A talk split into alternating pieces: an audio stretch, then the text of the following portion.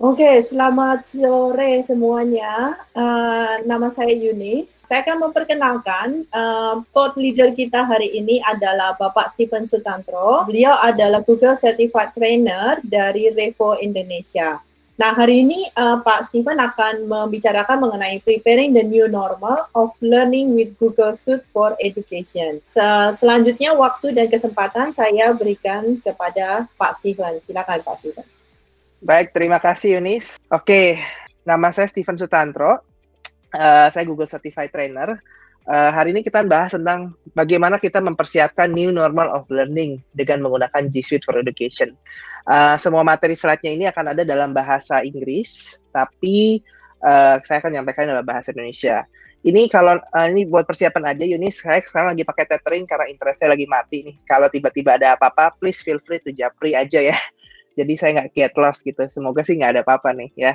Baik, hmm, teman-teman kita akan mulai saja untuk materi hari ini. Uh, saya mau perkenalan sedikit, saya Steven, saya kerja di Revo Indonesia. Uh, sekarang ini kita adalah satu-satunya partner Google for Education untuk professional development. Jadi kita partnernya Google di Indonesia ini untuk bantu sekolah-sekolah dan guru menggunakan aplikasi Google. Ya, itu ada Instagram saya buat teman-teman yang belum follow, silahkan cek di @steven_sutantro. Ya, Baik, um, kalau ditanya kenapa sih kita mulai Revo gitu ya dan kenapa kita uh, sangat passionate sekali gitu ya, uh, kita punya mimpi besar teman-teman untuk mempersiapkan guru, sekolah bahkan orang tua untuk um, memasuki namanya era normal baru nih yang akan sebentar lagi sebenarnya seharusnya bukan era normal baru yang udah lama ya sebenarnya era normal baru tuh sebenarnya harusnya udah dari kemarin-kemarin ketika kita ngomong industri point point oh segala macem tapi ternyata memang harus situasi seperti ini ya yang membuat kita mau tidak mau kita tidak punya pilihan kita masuk ke era normal baru. Ya lalu mungkin pertanyaan yang paling simple kenapa sih Pak mau jadi uh, partnernya Google for Education gitu ya di antara sekian banyak platform mungkin teman-teman lihat kan nggak cuma Google ya. Uh, sebenarnya banyak saya setuju banget sebenarnya banyak.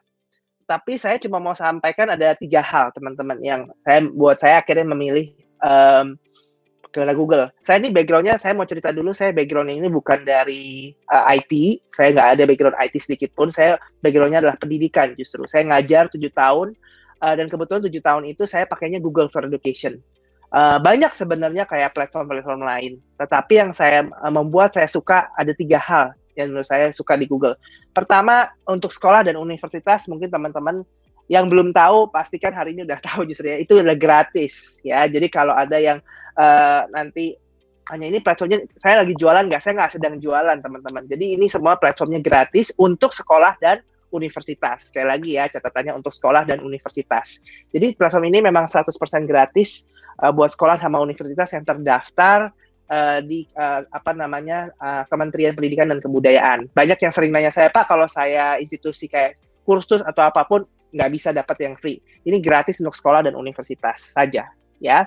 Dan yang kedua selain gratis, ini menurut saya yang paling penting uh, ini yang membuat kenapa kalau teman-teman perhatiin waktu masih ingat nggak zamannya kita pertama kali PSBB di bulan Maret itu tiba-tiba sekolah harus libur, teman-teman baca di App Store atau Play Store Google Classroom itu sempat uh, menjadi salah satu salah satu apps yang di-download paling tinggi ya itu yang membuat saya bertanya-tanya apa yang membuat guru-guru itu pakai? Bahkan Kemdikbud pun ataupun teman-teman dari uh, beberapa sekolah juga sempat tanya ke saya apa yang membuat Google Classroom begitu populer?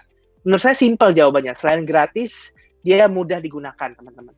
Ya jadi sangat isi, user friendly nah urusan UX nanti mungkin ini bisa menambahkan tapi ya. Tapi memang sangat user friendly buat uh, pendidik-pendidik dan uh, siswa. Dan yang ketiga versatile. Artinya tuh benar-benar uh, dengan aplikasi yang simpel ini walaupun mudah tapi dia sangat sangat apa namanya bermanfaat dan berdampak. Ya, jadi ini alasan saya kenapa hari ini saya bawain topik G Suite for Education karena tiga alasan ini. Ya, dan ini yang membuat saya akhirnya membuat kalau teman-teman nanti search di internet ada namanya Indonesia Edu Webinars. Kita memberikan yang namanya sejak Maret kemarin kita memberikan webinar gratis dan terbuka untuk semua orang untuk belajar sama-sama. Nah, hari ini saya akan bagikan teman-teman yang hari ini hadir um, apa yang kita akan uh, sebenarnya apa intisari dari Indonesia Edu Webinars ini. Ya, jadi nanti kalau teman-teman mau gali lebih dalam, saya minta teman-teman visit uh, di bit.ly slash Indonesia Edu Webinars, itu semua udah lengkap, ada materinya, sesuaikan dengan teman-teman, uh, minat teman-teman. Tapi hari ini yang saya membagikan adalah, ini saat yang tepat untuk kita mereimagine education, teman-teman. ini saat yang tepat kita benar-benar betul-betul kembali memikirkan bagaimana harusnya kita uh, melakukan pendidikan ya. Challenge pertama yang sekarang kita lakukan di normal baru ini tantangan yang pertama yang saya lakukan adalah uh, bagaimana kita bisa mendevelop yang namanya uh, sistem komunikasi yang efisien dan juga yang penting juga aman. Jadi untuk mengembangkan normal baru ini inilah tantangan yang selalu saya teman teman-teman saya yakin kalau dari sekolah, universitas, teman-teman guru, bahkan di UX gitu ya, teman-teman boleh pikirkan eh, kira-kira coba deh teman-teman pikirkan. Pasti ini adalah hal pertama yang teman terlintas di teman-teman ketika PSBB di belakang. Gimana ya saya bisa berkomunikasi dengan siswa saya? Bagaimana saya bisa komunikasi dengan yang lain? Apakah cukup WhatsApp aja gitu ya? Apakah cukup aplikasi satu aplikasi aja? Ternyata sebenarnya enggak gitu ya. Ini adalah masalah yang saya mau, mungkin teman-teman boleh tulis gitu ya. Bagaimana teman-teman bisa memikirkan cara untuk mengembangkan uh, sistem untuk bisa tetap berkomunikasi di tengah situasi di mana kita nggak bisa berinteraksi ya. Nah ini yang harus saya rasa menjadi pertanyaan buat uh, teman-teman yang mau buka sekolah di tahun ajaran baru sebagai pemimpin sekolah, pemimpin institusi, bagaimana cara teman-teman uh, membuka, mendesain sistem itu. Nah di Google for Education uh, kita punya banyak platformnya teman-teman. Jadi nomor satu adalah saya yakin yang sekarang kita pakai juga teman-teman uh, sudah pakai mungkin sebelumnya, tapi saya mau coba maksimalkan hal yang pertama yang kita harus belajar sama-sama. Ketika kita mau ngomong tentang bagaimana mengembangkan komunikasi yang aman dan efektif, mindsetnya harus dua. Yang pertama, mau tidak mau ketika sekolah harus kembali lagi di normal baru, kita harus menerapkan yang namanya sinkronus dan asinkronus. Buat teman-teman yang belum tahu apa, sinkronus itu adalah uh, seperti sekarang, ini adalah interaksi langsung, teman-teman, komunikasi langsung. Ya, di Google Hangout Meet, Untungnya sekarang sudah gratis buat semua orang. Jadi untuk teman-teman yang pakai Gmail, eh, teman-teman seperti sekarang ini bisa langsung join dan bahkan bisa buat juga. Kalau ditanya, Pak, mungkin ada yang nanya ya, belum tahu, ini maksimal berapa orang? Maksimal 250 orang, ya. Lalu yang ketiga yang saya mau highlight, uh, aplikasi Hangout Meet salah satu aplikasi yang paling aman. Jadi teman-teman nggak usah khawatir ada hacker segala macam, udah jelas di AMI. Karena ini fiturnya ini enterprise. Jadi sebenarnya kualitas yang teman-teman dapat sekarang ini adalah kualitas enterprise. Nah, yang kedua juga teman-teman seperti yang dilakukan Yunis tadi barusan, uh, teman-teman juga harus mempertimbangkan yang kedua. Nggak semua orang kan nggak bisa datang pada saat yang sama seperti sekarang ini. Ketika new normal berlaku, cara efisien untuk komunikasi jangan mengandalkan cuma synchronous meeting, artinya tatap muka langsung seperti ini. Kita harus memikirkan cara yang kedua yang kita sebut sebagai asinkronus. Apa artinya asinkronus? Asinkronus ini berarti uh, kita harus bantu supaya teman-teman yang mungkin hari ini nggak bisa datang, bagaimana ya mereka bisa akses? Bagaimana siswa saya misalnya sakit hari ini? Bagaimana anda yang nggak bisa datang dia tetap bisa menikmati apa yang saya lakukan? Ini saya rasa penting sekali konsepnya.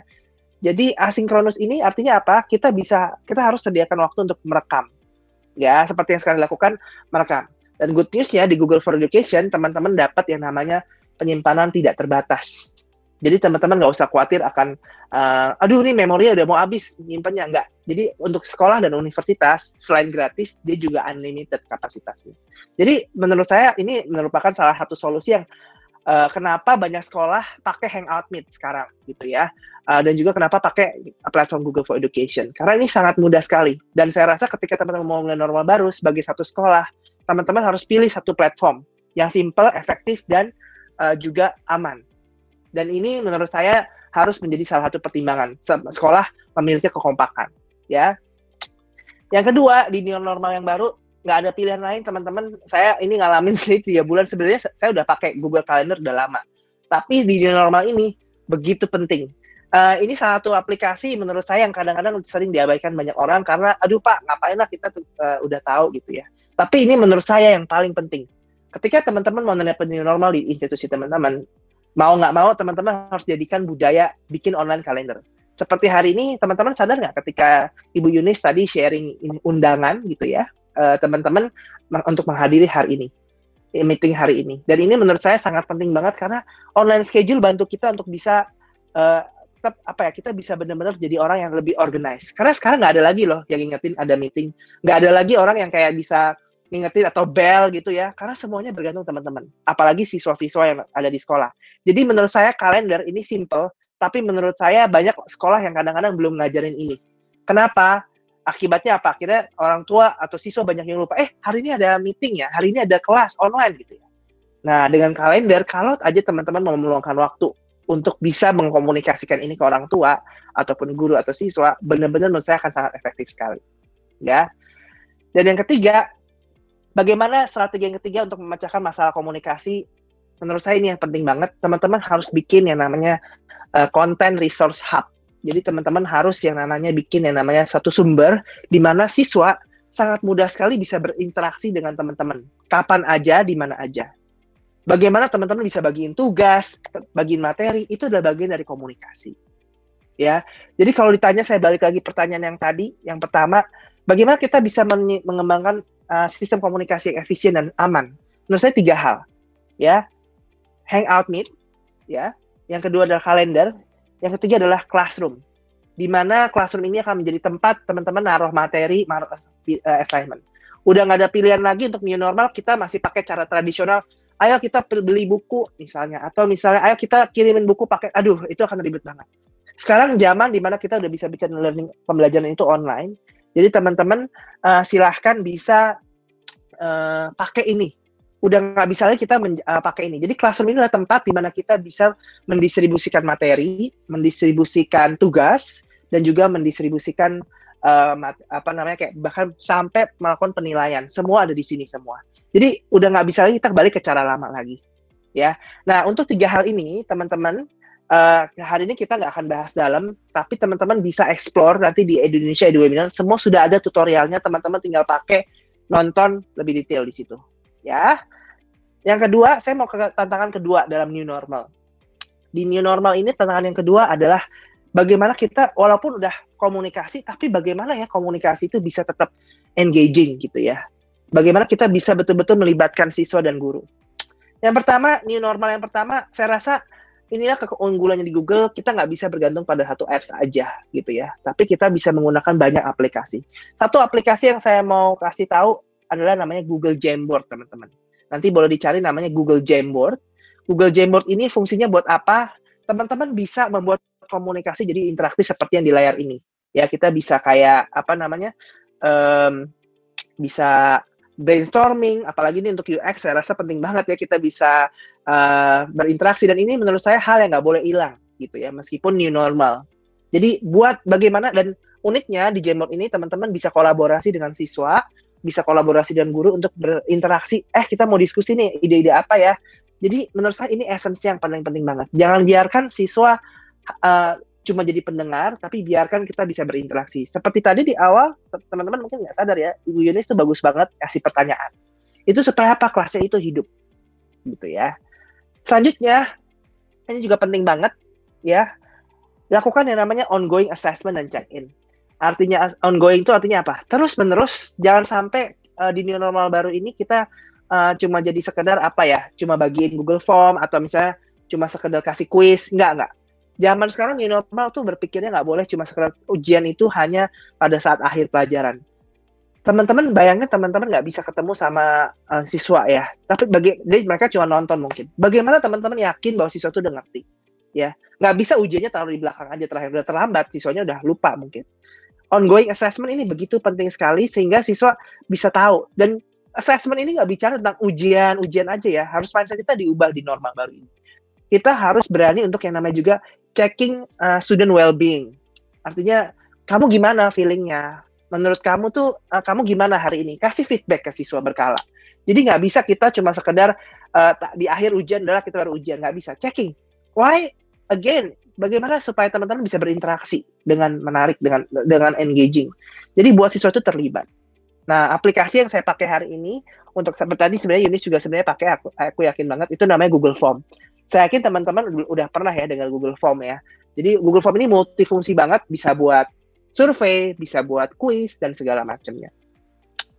Dan yang ketiga, menurut saya juga banyak uh, ini mungkin ada berapa yang sudah melakukan tapi ada yang belum uh, supaya bisa komunikasi lebih hidup, bagaimana kita bisa melibatkan siswa.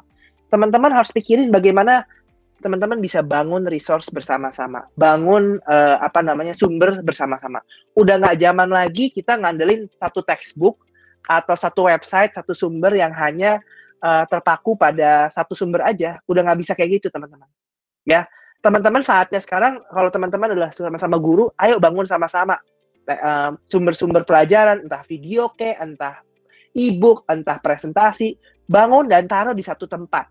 Ya, ini satu contoh yang saya ambil di Google, kita punya namanya Google Sites atau situs Google, di mana kita bisa publish, bahkan udah nggak zaman lagi guru hanya sendirian, kolaborasi sama siswa.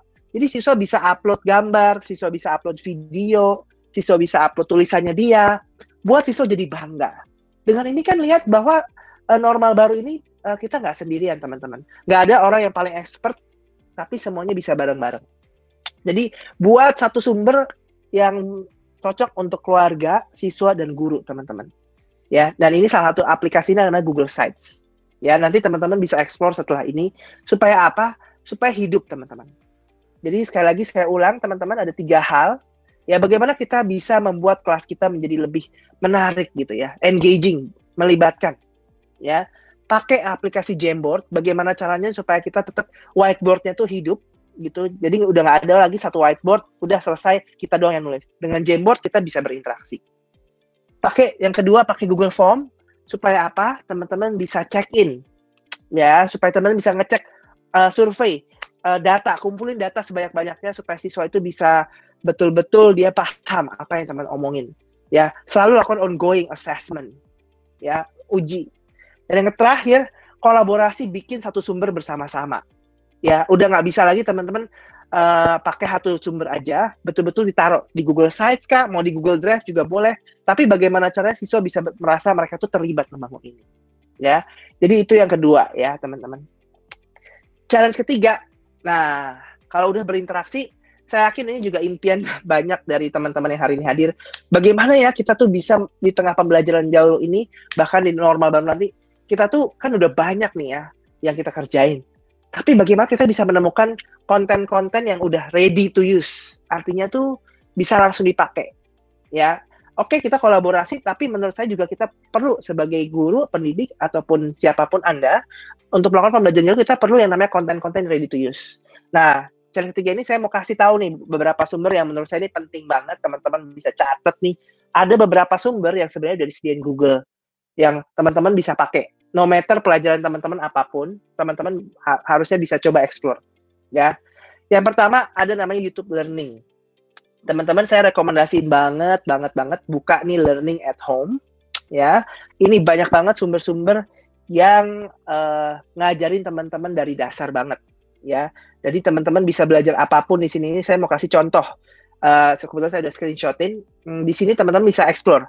Teman-teman punya anak berapa, uh, umurnya berapa, dia udah sesuaiin teman-teman mau kontennya seperti apa. Jadi mungkin familiar ya YouTube tapi nggak banyak orang yang pakai YouTube untuk belajar loh ya. Dan ini menurut saya sayang banget kalau teman-teman nggak explore. Kenapa?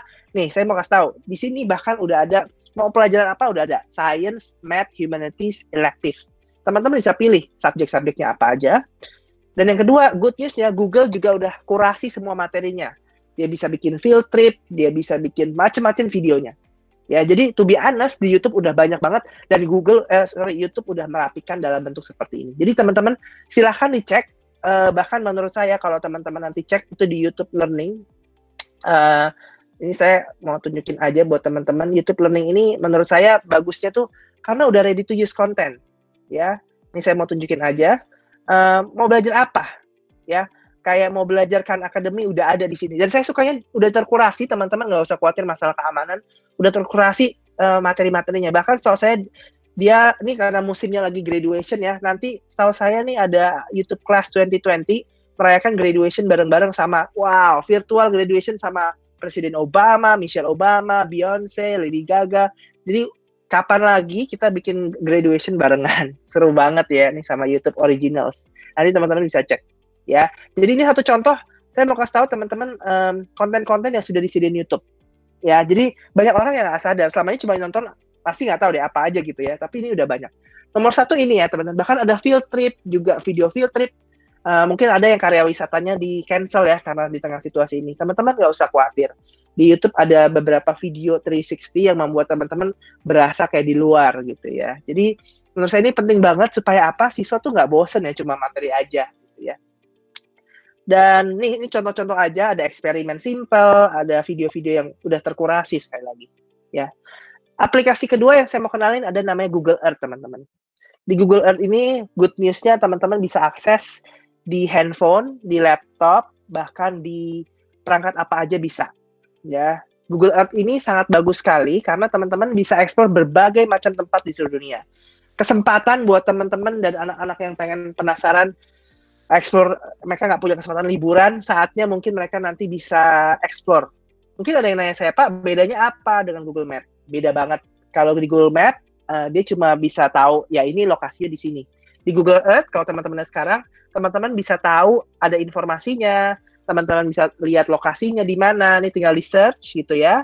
Nanti teman-teman akan dibawa ke Tokyo, contohnya nih ya. Tapi Tokyo-nya ini nggak cuma Tokyo aja ya. Kalau teman-teman lihat ini, uh, dia ada informasinya di bawahnya itu dan juga ada keterangannya. Jadi betul-betul menurut saya ini beda banget dengan Google Maps. Bahkan ada cerita-cerita yang menurut saya menarik di sana. Bisa jadi salah satu buku sendiri nih menurut saya, ya. Dan ini contohnya nih, kalau saya mau ke Eiffel Tower ya, kita langsung ke Eiffel Tower, terus langsung ke Menara Eiffel ini. Nah, dan yang saya sukanya tuh efek 3D-nya kita bisa zoom, kita bisa langsung lihat seolah-olah kita berada di dalamnya. Ya. Nah, ini yang lagi nggak tahu eh, di Sydney kita bahkan bisa ngeliat uh, 3D 3D buildingnya gitu ya. Menurut saya ini salah satu alternatif kesempatan buat siswa yang nggak dapat kesempatan untuk aduh mereka nggak bisa liburan ke mana-mana nggak bisa jalan-jalan. Menurut saya ini jadi salah satu alternatif ya buat teman-teman yang pengen explore uh, hal-hal yang menarik ya. Dan selanjutnya teman-teman saya mau kenalin namanya ada namanya Google Arts and Culture. Ini juga wajib banget kalau teman-teman kangen apalagi wisatanya dibatalkan gara-gara uh, corona ini, teman-teman bisa visit namanya Google Arts and Culture.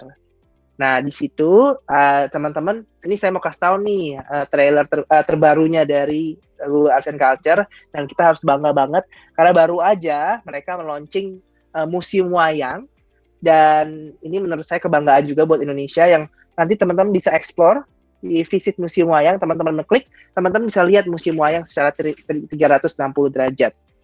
Ya, betul-betul teman-teman bisa tour. Ya, di situ betul-betul teman-teman bisa tour. Jadi ini harus banget di visit authentic learning dengan dan ini bisa mengobati alternatifnya teman-teman uh, nggak punya filter field trip gitu ya dan ini menjadi teman kesempatan buat teman-teman. Jadi saya ulangi lagi teman-teman uh, masalah kita yang pertama adalah bagaimana kita bisa menemukan konten yang ready made itu yang pertama teman-teman visit YouTube Learning, learn at home.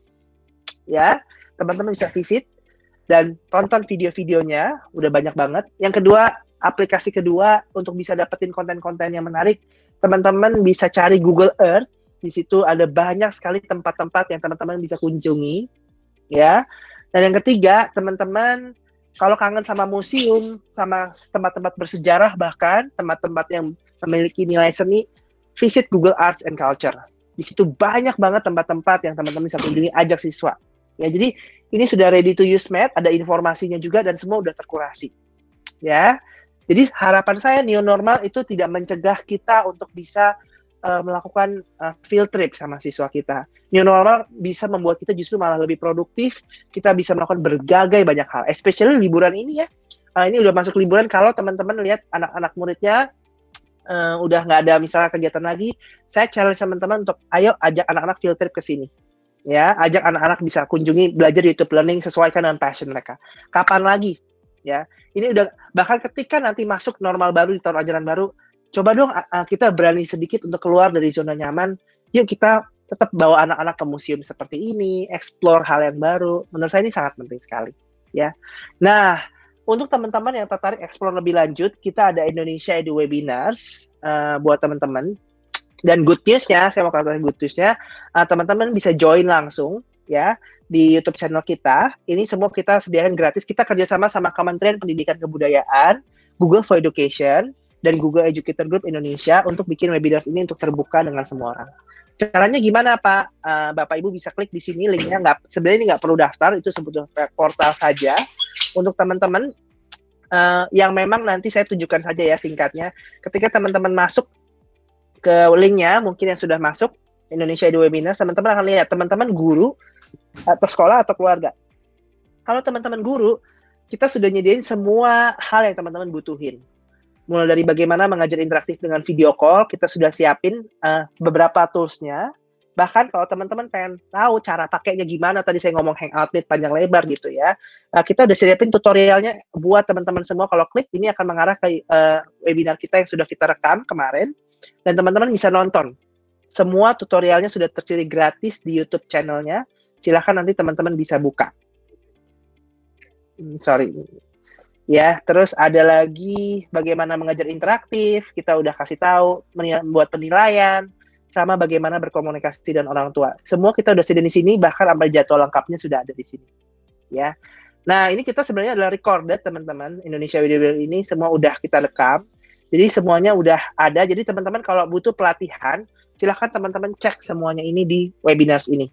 Ya karena sudah kita rekam semuanya di sini. Bagaimana membuat penilaian otentik dan bagaimana cara berkomunikasi. Harapannya dengan adanya ini semuanya sudah siap dengan normal baru.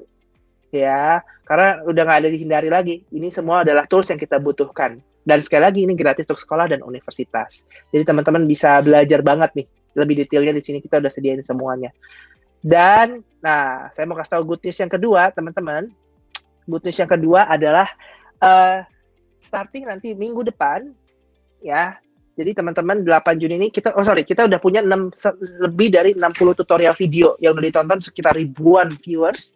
Teman-teman saya challenge banget untuk explore ini setelah webinar ini. Tonton dan kalau bisa disebarkan ke sekolah-sekolah yang membutuhkan karena kita pengen banget bantu sekolah-sekolah untuk mempersiapkan normal baru ini. Jadi ajak mereka nonton dan kalau bisa jadikan ini jadi uh, program mereka bisa betul-betul belajar gitu ya. Dan dan yang hal lanjutnya yang saya mau kedua yang kita lakukan uh, sama Google for Education uh, kalau di sini ada teman-teman yang Pak saya pengen banget dengan Google for Education ini. Saya pengen banget uh, daftar gitu ya. Saya belum sekolah saya belum pakai Google for Education. Nah kita udah sediain Facebook group uh, sorry di salah satu webinar kita episodenya kita sudah ada. Kalau nggak salah di sini nih anda nanti cari cara pendaftarannya. Kita udah sediain webinar khusus untuk teman-teman belajar dari awal bagaimana daftarin sekolah teman-teman ke Google for Education. Jadi teman-teman bisa cek videonya ada di sini. Silahkan bisa lihat caranya gimana. Kalau teman-teman butuh bantuan lebih lagi, kita undang teman-teman masuk Facebook grupnya. Um, uh, kita punya punya Facebook group namanya Google Suite untuk pembelajaran jarak jauh atau teman-teman bisa klik di link di sini di bit.ly slash Indonesia Edu Webinars Group. Teman-teman bisa buka link ini nanti akan mengarah ke Facebook group kita. Di situ banyak banget teman-teman uh, yang membagikan pengalaman baru hari ini. Yang saya buat saya terharu adalah uh, hari ini Facebook grupnya ini bahas tentang banyak yang mereka melakukan upacara kelulusan online. Dan mereka senangnya itu karena salah satu video kita kemarin kita bikinin tutorial bagaimana bikin upacara kelulusan online itu dengan yang namanya uh, pakai Hangout Meet yang teman-teman sekarang pakai ini. Wah, jadi sebenarnya itu menurut saya menarik banget karena itu jadi success story banget buat kita sendiri sangat happy banget. Jadi teman-teman kalau saya challengein teman-teman join Facebook group ini, teman-teman akan terinspirasi bagaimana melihat uh, sekolah udah bersiap normal baru bahkan untuk kelulusan. Ya, kita ada videonya juga di situ. Uh, cara untuk membuat kelulusan online dengan Hangout Meet. Ya. Nah, good news yang kedua, teman-teman, di bulan nanti di bulan Juni, sorry di minggu depan, ini sorry ini memang belum publish di uh, apa YouTube kita dan juga sosial media kita. Tapi untuk teman-teman yang hari ini hadir sangat beruntung sekali. Kenapa? Karena teman-teman yang hadir ini dapat uh, salah satu yang orang-orang pertama yang akan tahu kita akan launching seri webinar baru tanggal 8 Juni. Uh, itu dengan topik yang namanya uh, lebih ke untuk keluarga, ya. Apa pak topik-topiknya? Salah satunya ini yang paling keren banget, teman-teman nggak boleh miss out. Kebetulan saya lagi akan bawain. Uh, nanti hari Senin kita akan ada webinar tentang Google Digital Wellbeing. Bagaimana ini menurut saya meng, uh, mengatur apa namanya mengelola era normal baru supaya bisa tahu supaya kita bisa membalancekan penggunaan aplikasi kita. Jadi ini satu contoh aja ya teman-teman. Sadar nggak sih teman-teman setiap hari berapa jam teman-teman habisin waktu untuk YouTube, Netflix, atau Facebook, atau WhatsApp gitu ya. Nah di aplikasi Google ini kita belajar sama-sama bagaimana kita bisa mengatur keseimbangan itu ya. Bahkan juga bisa ngelihat uh, bahkan kalau kita bisa nanti belajar pak saya mau tahu anak saya. Bagaimana kita bisa mengelola screen time anak-anak saya juga. Itu nanti kita akan ada workshopnya uh, webinarnya dengan judul Google Family Link ya. Jadi ini contoh-contohnya aja. Bagaimana kita bisa uh, ngatur screen time ngatur apps yang digunakan anak gitu ya. Nanti kita akan launching minggu depan. Teman-teman uh, yang hari ini hadir boleh join. Nah ini saya kasih teaser ya jadi hari pertama minggu depan kita akan ada uh, topik tentang bagaimana cara bijak mengatur penggunaan gadget, ya, cara mudah memantau penggunaan gadget untuk anak, tips bijak meninggalkan jejak digital, cara cerdas mengenali hoax, tips ampuh mengamankan akun dari hackers, dan cara aman untuk menonton YouTube untuk anak. Dan semuanya akan mostly hari Senin sampai Jumat kita akan uh, adakan jam sekarang ini setengah tujuh sampai setengah delapan GMT plus seven atau WIB. Untuk hari Sabtu kita ada di pagi. Nah untuk teman-teman hari ini hari ini hadir uh, nanti pantau uh, webinarnya Revo. Oh ya by the way kita kolaborasi sama institusi teman-teman. Uh, kita kalau di ini nggak sendiri kita kerjasama sama sekolah-sekolah. Ya uh, banyak sekolah-sekolah yang udah pakai ini especially sekolah-sekolah Google for Education. Sekolah-sekolah udah pakai Google for Education. Jadi uh, kita nggak sendiri. Nah untuk teman-teman yang tertarik untuk kolaborasi Pak ini program Bapak ini bagus-bagus saya pengen jadiin program sekolahnya saya eh, teman-teman bisa isi di bit.ly slash Indonesia di Webinars Keluarga. Teman-teman, kita excited banget untuk bagiin ini untuk keluarga di sekolah teman-teman juga. Uh, teman-teman bisa isi, dan kalau teman-teman tertarik untuk mendukung bersama-sama, uh, ini webinar gratis sekali lagi. Teman-teman bisa feel free, nanti kita akan kirimin uh, webinar kita, informasinya lengkapnya, lalu email. Tapi teman-teman harus isi dulu form ini nih, bit.ly slash Indonesia Webinars Keluarga, uh, supaya membantu teman-teman mempersiapkan era normal baru untuk keluarga di sekolah teman-teman. Jadi nanti teman-teman kalau memang nanti tertarik pun bahkan kita open kalau teman-teman pengen mengirimkan logonya ke kita supaya kita mau uh, orang-orang yang membagikan ini di sosial medianya, membantu kita menyebarkan kabar baik ini uh, juga terlibat mendukung mem mempersiapkan era normal baru. Ya, uh, baik uh, mungkin itu uh, penjelasan saya. Thank you banget buat hari ini yang hadir. Uh, saya mungkin biar lebih interaktif ya. Ingat kita nggak bisa cuma satu arah teman teman-teman nanti bisa follow untuk update informasi di at, at Revo Indonesia uh, dan Facebook kita dari Revo Indonesia. Teman-teman please follow uh, Instagram kita dan juga jangan lupa subscribe YouTube channel kita karena teman-teman akan dapat informasi uh, video-video baru yang akan kita uh, luncurkan. Jadi untuk teman-teman uh, yang mau tahu lebih detail nanti silahkan bisa visit uh, Instagram sama Facebook kami uh, supaya teman-teman bisa nggak ketinggalan update-update webinar yang ada. Atau kalau teman-teman tadi mau mendukung webinar kami, bisa ikut di bit.ly slash Indonesia Edu Webinars Keluarga. Itu ada Google Form, teman-teman bisa isi. Uh, kalaupun institusi teman-teman mau terlibat membantu menyebarkan hal ini, kita sangat happy sekali untuk uh, bisa yang namanya mendukung teman-teman juga dengan nanti kita kirimin reminder, email publikasi. Ya, mungkin itu dari saya. Thank you semuanya. Semoga jelas. Ya, oke. Okay. Thank you banget, Steven. Uh, hmm. Sangat menarik sekali. Uh, ini ada banyak nih uh, beberapa pertanyaan bagi yang belum uh, mau hmm. tanya lebih lanjut silakan. Nah ini yang pertama mungkin pertanyaan dari uh, Kak Pak Karyana Hutomo nih. Uh, mungkin hmm. harusnya udah kejawab sih. Uh, apa namanya? Apakah tadi Google Classroom itu LMS atau Learning Management System atau enggak? Apakah hmm. bisa berinteraksi dengan mural? Begitu pertanyaannya. Uh, kita di Google kita nggak nyebut Google Classroom ini LMS ya, Yunis. Jadi LMS punya konsep yang berbeda karena LMS ini kan hmm. lebih karena integrated semuanya. Jadi konsep di Google itu Classroom ini adalah seperti hub, content research hub. Jadi Google Classroom ini power, tapi kalau dia cuma dipakai sendiri, to be honest, dia nggak akan kuat. Makanya kalau teman-teman perhatikan tadi ketika presentasi saya, saya selalu ngomong bukan aplikasi satu aplikasi aja, tapi kekuatannya itu ada di integrasi aplikasinya. Jadi kayak Hangout, Meet, Calendar. Kalau teman-teman cuma pakai Classroom, nggak bakal cukup, teman-teman. Karena itu bukan LMS. Sekali lagi saya cuma bilang dia ada Content Resource Hub. Teman-teman harus pakai Classroom, tapi integrasinya dan kalender, ya. Kenapa? Karena setiap jadwal penugasan itu akan masuk di kalender dan ada Hangout Meet-nya juga, ada form-nya juga. Uh, jadi uh, kalau saya sih bilang bukan LMS. Uh, untuk uh, tadi menjawab tadi mural ya betul ya maksudnya? Iya. Uh, mural ya. Uh, kalau saya sih rekomendasi teman-teman sekali lagi kalau classroom itu bukan single alone apps. Jadi dia kekuatannya tuh di kolaborasi teman-teman. Itu memang spiritnya Google sih.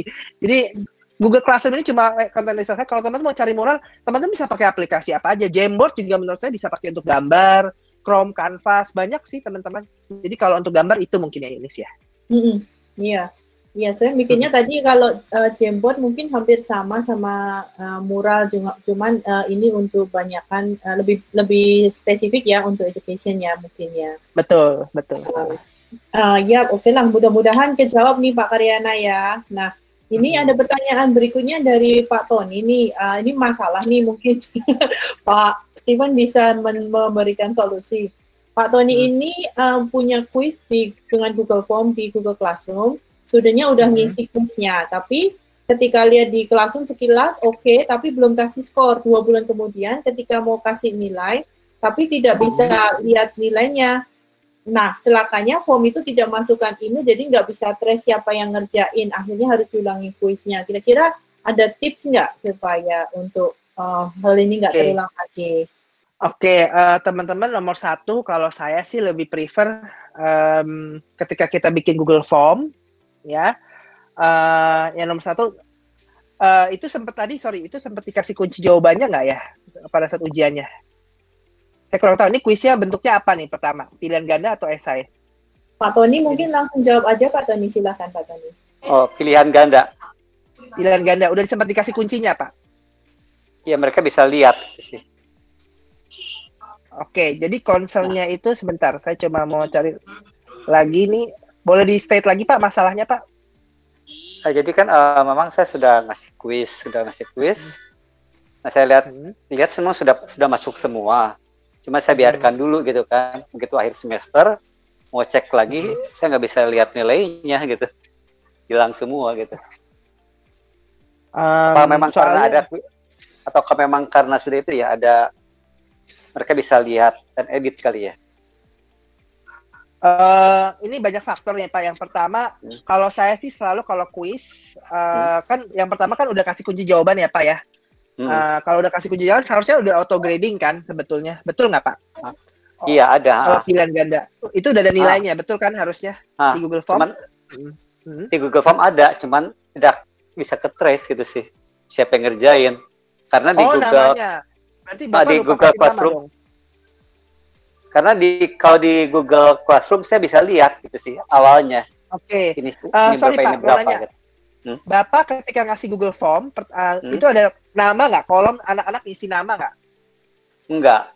Nah, hmm. itu menurut saya jadi salah satu concernnya. Jadi ah. tips buat saya, Bapak hmm. harus kasih uh, kolom selalu. Kalau saya sih selalu disiplinin diri. Nanti Bapak lihat di salah satu webinar saya itu hmm. di Google Form saya ajarin ketika kita bikin pertanyaan, selalu awali pertanyaan pertama itu dengan nama dan kelas, ya ataupun oh. nama dan email. Jadi dua hal itu. Iya. Uh, walaupun uh, saya tahu sih bapak kan uh, bagi ini Google Classroom, tapi tetap aja pak kadang namanya anak. Jadi selalu harus ada nama lengkap sama email bahkan dua kali. Jadi dua layer. Jadi kita selalu tahu. Mungkin kalau saya sih tipsnya itu aja sih pak.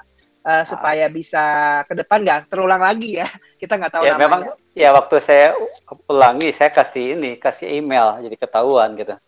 Oh cuman iya, itu aja. Cuman ya cuma masalah di Google Formnya jadi hilang semua ya. Nggak bisa dibiarkan begitu aja gitu ya. Maksudnya uh, hilang gimana Pak? Hah? Maksudnya hilang itu maksudnya gimana? Jadi ya, saya nggak bisa nggak bisa lihat grade-nya uh, nilainya lagi gitu kan. Jadi kan sudah ketahuan si ini hmm. uh, benar berapa gitu kan. Udah ketahuan sebetulnya waktu itu. Cuma saya biarkan dulu. Saya belum harusnya sih nggak hilang sih Pak uh, kalau bapak nggak utak atik harusnya stay there aja nggak mungkin hilang mungkin sempat kepencet sesuatu sehingga itu jadi kayak nge coba bapak buka spreadsheetnya mungkin kayak sorry kayak Google ada nggak nilainya harusnya uh, nggak ada Ju tapi memang kalau di Google Form ada di Google Form cuman karena memang saya lupa ngasih email atau nama jadi tidak ke oh, iya. gitu sih. itu sih ah. kalau menurut saya gara-gara itu jadi next time bapak harus kasih nama atau email I think yeah. that's the problem sih hmm, oke okay. yeah. Oke. Okay. Thank you ya. Hmm. ya apa namanya uh, masalahnya mungkin nanti bisa kalau mau lebih spesifik bisa tanya sama Pak Pak apa namanya Pak Steven ya. Nah, iya. Uh, ya, nah ini ada pertanyaan lagi nih dari Pak Dwi Eko. Uh, desain hmm. learning yang sesuai untuk early childhood dalam kondisi home learning itu kayak gimana ya? Apakah ada contoh-contoh blended learning yang pas untuk early childhood? Oke, okay untuk pembelajaran apa namanya untuk SD ya atau misalnya TK hmm. gitu ya. Uh, saya sih barusan uh, kalau saya sih lebih prefer untuk SD TK. Saya tahu kan secara mungkin uh, menurut saya yang terpenting kalau dia kalau SD TK menurut saya si guru itu harus siapin ready made konten dulu deh. Jadi untuk saya ngerti kalau SD kan agak lebih challenging ya untuk interaksi karena memang butuh waktu lebih lama kayak ngerjain project segala macam. Tapi menurut saya kasih dulu konten uh, searah yang bisa menginspirasi. Nomor satu sih itu dulu kalau menurut saya. Jadi ini contoh Pak ketika Bapak tadi sempat dengerin kayak ada YouTube Learning, Learning at Home, coba kasih konten-konten yang sesuai dengan umur dia. Nomor satu itu, ya. Atau yang kedua, Bapak bisa contoh kayak eksplorasi Google Earth. Jadi cari konten yang memang satu arah, walaupun anak-anak ini cuma bisa ngeliat, tapi menurut saya dia bisa dapetin hal-hal yang menarik. Contoh kayak Google Earth ini dia bisa explore. Jadi kalau untuk anak-anak early childhood, saya encourage dulu yang nomor satu kasih dia konten yang en, apa ya menarik secara visual. Seperti Google Earth ya kan? Dia ada dia keliling dunia Google Arts and Culture yang tadi saya bilang gitu ya. Itu betul-betul bapak buat dia terpukau dulu suka dulu lah gitu ya. Ajak mereka menemukan passionnya di mana ya. Baru setelah itu kalau dia memang udah tertarik di satu hal uh, saya tahu memang classroom ini kadang-kadang challenging kuat challenging buat anak-anak uh, early childhood ya kalau menurut saya simple alternatifnya kalau saya sukanya uh, untuk anak-anak pakai Google Sites pak jadi kalau Google Sites itu jadi situs Google di mana nanti anak-anak bisa publish misalnya dia punya gambar, dia ambil foto gitu, dicekrek foto, terus dia upload uh, atau misalnya dia kirim ke bapak, bapak tampilin di situs uh, Google Sites-nya. Jadi kalau saya sih kalau untuk SD kadang-kadang saya selalu bilang kalau belum siap dengan pakai Classroom, pakainya Google Sites. Jadi si guru kasih dulu ini instruksinya satu, dua, tiga, empat. Nah, anak-anak tinggal ngikutin aja tugas siapa, klik linknya aja. Jadi memudahkan. Ya, dan itu butuh di building building sampai akhirnya kalau memang udah ready scaffold pelan-pelan baru kasih yang namanya assessment pakai Google Form. Dia suruh ngisi pertanyaan dia baru bisa pakai Jamboard. Jadi menurut saya kalau untuk anak-anak yang lebih kecil memang butuh penyesuaian Pak. Uh, ini tools yang tadi saya bilang ya. Jadi bisa konten satu arah tapi yang menarik dulu lama-lama dibimbing sampai akhirnya bisa berinteraksi. Mungkin gitu Bu Yunis ya Iya, uh, jadi bertahap ya Pak ya kalau kata lainnya ya, hmm. ya Pak ya. Uh, Terus hmm. kalau ini ada pertanyaan dari Putet, ini apakah hmm. Google Calendar uh, bisa hmm. digunakan untuk tim kurikulum sekolah membuat kalender akademik dan jadwal mengajar semua guru? Bisa. Jadi kalau di kalender itu uh, saya rekomendasi di, di Indonesia di Union udah ada modul Google Calendar. Uh, teman-teman bisa cek membuat penjadwalan di Google Calendar itu. Uh, kita ada rekam videonya uh, lebih ke arah uh, kalau ditanya bisa nggak bisa, jadi kita bisa bikin kalender uh, misalnya bapak ibu per grade level atau misalnya per uh, misalnya per subjek atau misalnya per angkatan juga bisa atau semuanya uh, nanti guru itu nambah di kalender itu. Jadi kalau ditanya bisa, bisa, tapi Bapak Ibu butuh lihat tutorialnya di sini nih ya. Indonesia Dunia membuat penjadwalan. Di situ ada cara-caranya untuk Bapak Ibu bikin bagaimana bikin jadwal, bagaimana Bapak Ibu bisa uh, apa berkolaborasi gitu ya. Bahkan bikin jadwalnya itu nggak sendirian lagi bisa bareng-barengan. Jadi betul saya setuju banget dengan pertanyaan ibu bagus sekali. Ini penting banget bikin penjadwalan online. Udah nggak ada pilihan lagi bu. Kalau pakai kertas lagi udah nggak bisa. Jadi harus pakai Google Calendar di normal baru ini. Hmm. nah coba dilihat modulnya. Mungkin itu ya Yunis ya. Ya uh, jadi apa namanya uh, untuk uh, uh, jadi yang diutamakan sebenarnya kalau pakai Google Calendar itu kan ada kolaborasi ya. Jadi kalau biasanya pakai kalender biasa kan cuma satu orang gitu kali ya mungkin. Mm. Uh, ya, nah ini ada pertanyaan, apakah ada video virtual atau augmented reality yang berhubungan dengan matematika, misalnya mengekspor bangun ruang, sisi lengkung, atau bangun ruang, sisi sisi data dan sebagainya? Mm. Uh, untuk matematika pembelajaran uh, spesifik itu sebenarnya kalau untuk VR AR-nya saya rekomendasi ini belum kita sebut tapi juga akan dijadwalkan webinar kita eh, teman-teman cari aplikasi namanya Google Expedition. Jadi Google Expedition itu uh, salah satunya saya ingat sekali ada uh, bangun ruang, setahu saya ada math lessons-nya kok. Jadi nanti teman-teman bisa cari Google Expedition itu ada uh, kayak ini VR and AR ya. Jadi dia tuh ada kayak konten ready to use juga. Teman-teman tinggal klik dan buka. Nanti teman-teman bisa dapetin yang namanya uh, bagaimana menggunakan itu untuk matematika. Bahkan nih good news-nya udah ada lesson plan-nya nih. Jadi udah ada. Nanti bisa dicari ya teman-teman Google Expedition. Apa Google ya. Expedition ya? Ya, ini saya ulang nih, Google Expeditions. Oke, okay, Mat Google yes. Expedition. Dicari aja teman-teman. Download aplikasinya sekarang juga bisa di Android di ininya. Ini berbasis aplikasi ya, sorry di Android jadi nggak bisa pakai laptop. Jadi teman-teman oh, okay. cari ininya. Tapi resource-nya udah ada di internet banyak banget. Oke, okay, sip sip. Yes. Thank you. nah, uh, ini uh, kalau uh, untuk dari Pak Dimas nih uh, ada uh, kode hmm, join Google Classroom kadang bermasalah hmm. ketika digunakan join oleh siswa. Ya nih, hmm. kenapa uh, padahal kode yang dimasukkan udah benar, bagaimana cara mengatasinya? Oke, mungkin saya cuma bilangnya yang pertama gini, kadang-kadang uh, classroom ini kendalanya gini. Ketika teman-teman pakai email pribadi, uh, sorry, misalnya anak-anak murid bapak ibu pakai email pribadi, Gmail pribadi gitu ya, dia itu ada restriction dia nggak bisa masuk ke domain. Uh, kalau misalnya sekolahnya kebetulan udah pakai G Suite for Education, dia kan ada domainnya ya. Nah, mungkin yang buat kadang-kadang sekolah lupa, itu tuh siswanya nggak dibikinkan akunnya. Jadi akhirnya siswa itu pakai sign in email pribadi sehingga dia tidak bisa masuk ke akunnya sekolah. Karena kalau uh, pakai G Suite domain, itu teman-teman idealnya sih selain gurunya dibuat akunnya, uh, untuk akun classroomnya, siswanya dibikinin akun classroomnya juga, Pak. Jadi memang atas nama at belakangnya bukan nggak bisa lagi at gmail.com siswanya. At uh, sekolah apa. Tetapi kalau Bapak Ibu bilang, Pak, uh, kalau tadi kan saya bilang idealnya sekolah dan guru siswa dan guru punya email atas nama domain sekolah itu idealnya. Kenapa saya bilang ideal? Karena lebih gampang, ya. Tapi saya tahu di situasi urgent kayak gini ada yang kelupaan sehingga nggak bisa masuk. Nah, tapi solusinya gimana Pak? Solusinya kalau Bapak mau itu dari settingan kontrol panel itu Bapak bisa ubah. Jadi di kontrol panel itu ada namanya uh, setahu saya itu G Suite Admin Panel bagian classroom setting. Bapak bisa cari nanti itu tuh kayak ada Bapak tuh bisa ngebukain aksesnya sehingga nih nanti mengontrol akses pengguna ke classroom. Jadi walaupun Bapak misalnya eh, apa namanya di sini ada kebetulan walaupun nanti Bapak bisa lihat eh, meskipun Bapak pakai domain sekolah itu Bapak bisa invite eh, anak-anak yang pakai email pribadi. Jadi itu bisa diakses nanti cari aja namanya mengontrol akses pengguna ke classroom itu harus admin panelnya pak. Bapak nggak bisa sebagai guru. Itu harus orang yang pegang adminnya. Biasanya sih orang IT-nya bapak cari orang IT-nya minta dia bukain akses supaya uh, uh, akun G Suite-nya bapak bisa menerima anak-anak pakai email. Ya biasanya sih kesalahan terbesar sorry bukan kesalahan miss terbesarnya di situ.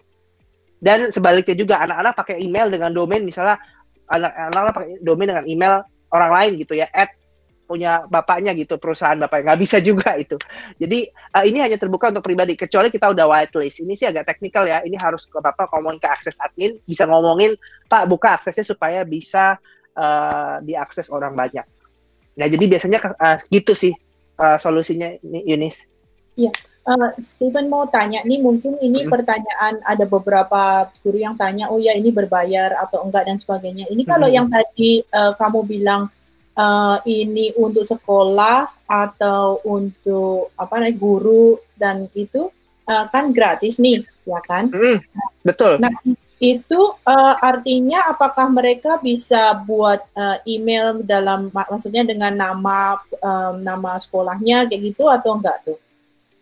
Oke. Okay jadi uh, Google for Education itu, G Suite for Education itu nanti kalau Bapak Ibu lihat nanti di sekolah ini itu ada kayak tutorialnya, cara daftarnya itu harus institusi, nggak bisa email pribadi, sorry institut orang pribadi. Jadi G Suite for Education sekali lagi tadi saya mau tekankan ya, uh, Google for Education ini gratis untuk sekolah atau universitas yang terdaftar. Ya, jadi kalau Bapak Ibu atas nama guru jelas nggak bisa, atas institusi lembaga Bapak Ibu misalnya ngajar privat atau apa nggak bisa juga jadi harus memang sekolah atau universitas yang terdaftar di kementerian ataupun memang diakui sebagai lembaga pendidikan. Ya bahkan non profit pun nggak bisa. Uh, eh, non profit itu ada namanya GC non profit beda lagi. Jadi ini GC Education hanya gratis untuk sekolah dan universitas. Jadi kalau Bapak Ibu daftar pakai nama pribadi tidak bisa. Jadi solusinya kalau Bapak Ibu pengen daftar untuk sekolah Bapak Ibu, Bapak Ibu pastikan ngomong dulu sama sekolahnya, leader sekolahnya. Uh, supaya Bapak Ibu bisa dapat persetujuan ini as a school ngobrol sama orang IT-nya, ngobrol sama kepala sekolah. Jangan Bapak Ibu sendirian. Uh, siapa tahu mereka udah daftarin, Bapak Ibu nggak tahu gitu Jadi lebih baik kalau saya sih begitu tipsnya kalau dari saya Yunis ya. Ya, oke. Okay. Makasih Steven. Nah, ini kan uh, kita uh, sebenarnya hanya ada satu menit lagi nih sebelum kita selesai. Nah, tapi hmm. ini masih ada kira-kira ada tiga pertanyaan atau itu uh, kamu masih ada waktu kira-kira boleh ya boleh boleh oh, boleh silahkan ya kita ini ya kita nah ini ada pertanyaan, uh, kamu ada ada contoh-contoh uh, pembelajaran untuk ngajar bahasa Inggris nggak di Google uh, Suite itu? Oke, okay. uh, sebentar ya, saya coba buka dulu. Uh, Bapak Ibu, tadi seperti saya bilang, uh, uh, di salah satu webinar kami, itu setahu saya kalau Bapak Ibu mau nyari contoh-contoh, setahu saya juga sudah ada. Kami sudah siapin berdasarkan subjek. Ini saya buka jadwalnya dulu jadi ada di salah satu video webinar kami sebentar, saya ingat banget waktu itu uh, nanti Bapak Ibu buka nih ada studi kasus proyek bahasa Inggris, IPA, matematika, bahasa dan art. Jadi kalau Bapak Ibu pengen cari, ini kebetulan ada bahasa Inggris, kita udah siapin semua. Jadi ini langsung bukan saya yang ngomong ya. Ini guru bahasa Inggrisnya, dia sharingin bagaimana dia pakai Google for Education untuk ngajarin bahasa Inggris. Nanti bisa diklik saja di di sini sudah ada ya atau di YouTube channelnya Revo Indonesia. Ya, jadi udah ada semua ini semua okay. mata pelajaran. Ya, mantap, thank you. Nah, ini uh, uh, di Google Form ketika membuat uh, kuis yang melibatkan gambar dan gambar tersebut dapat ditempatkan di antara dua teks. Gambar atas, hmm. gambar inline with text, gambar tanpa crop tersebut jadi gambar semua. Nah ini maksudnya apa nih pertanyaannya apa nih? Saya udah, udah bingung Pak Ridwan. Mungkin Pak Ridwan uh, ini mau... aplikasinya apa ya? Google Docs yeah. atau Google Slides? Uh, Google Form. Google Form. Oh Google Form. Uh -uh, iya. Pak Ridwan mungkin mau ditambahkan, mungkin mau diperjelas pertanyaannya atau kalau enggak uh, saya lanjut ke pertanyaan lainnya, silakan.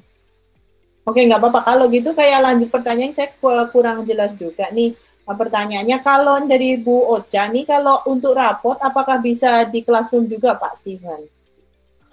Uh, mungkin nggak rapot secara ini ya, tapi kan Google nanti akan ada reportnya, uh, peni laporan penilaian. Semua laporan penilaian itu udah ada di Google Classroom. Jadi teman-teman saya rekomendasi visit modulnya Google Classroom itu udah ada uh, cara membuat penilaian di Google Classroom. Uh, tapi dia tidak sampai rapot, tapi yang dia jadiin adalah spreadsheet. Uh, artinya dia dijadiin seperti Excel gitu, tabel. Nanti Bapak Ibu tinggal import dalam karena setiap sekolah lagi-lagi punya format rapot yang beda-beda, betul nggak? Jadi hmm. yang kita sediain adalah itu jadi nanti dalam bentuk spreadsheet, tinggal Bapak Ibu copy paste hmm. ya untuk jadi rapot. Mungkin kayak gitu. Hmm. Nah, kalau lembaga diklater akreditasi atau tingkat PGTK itu bisa nggak daftar CISUD?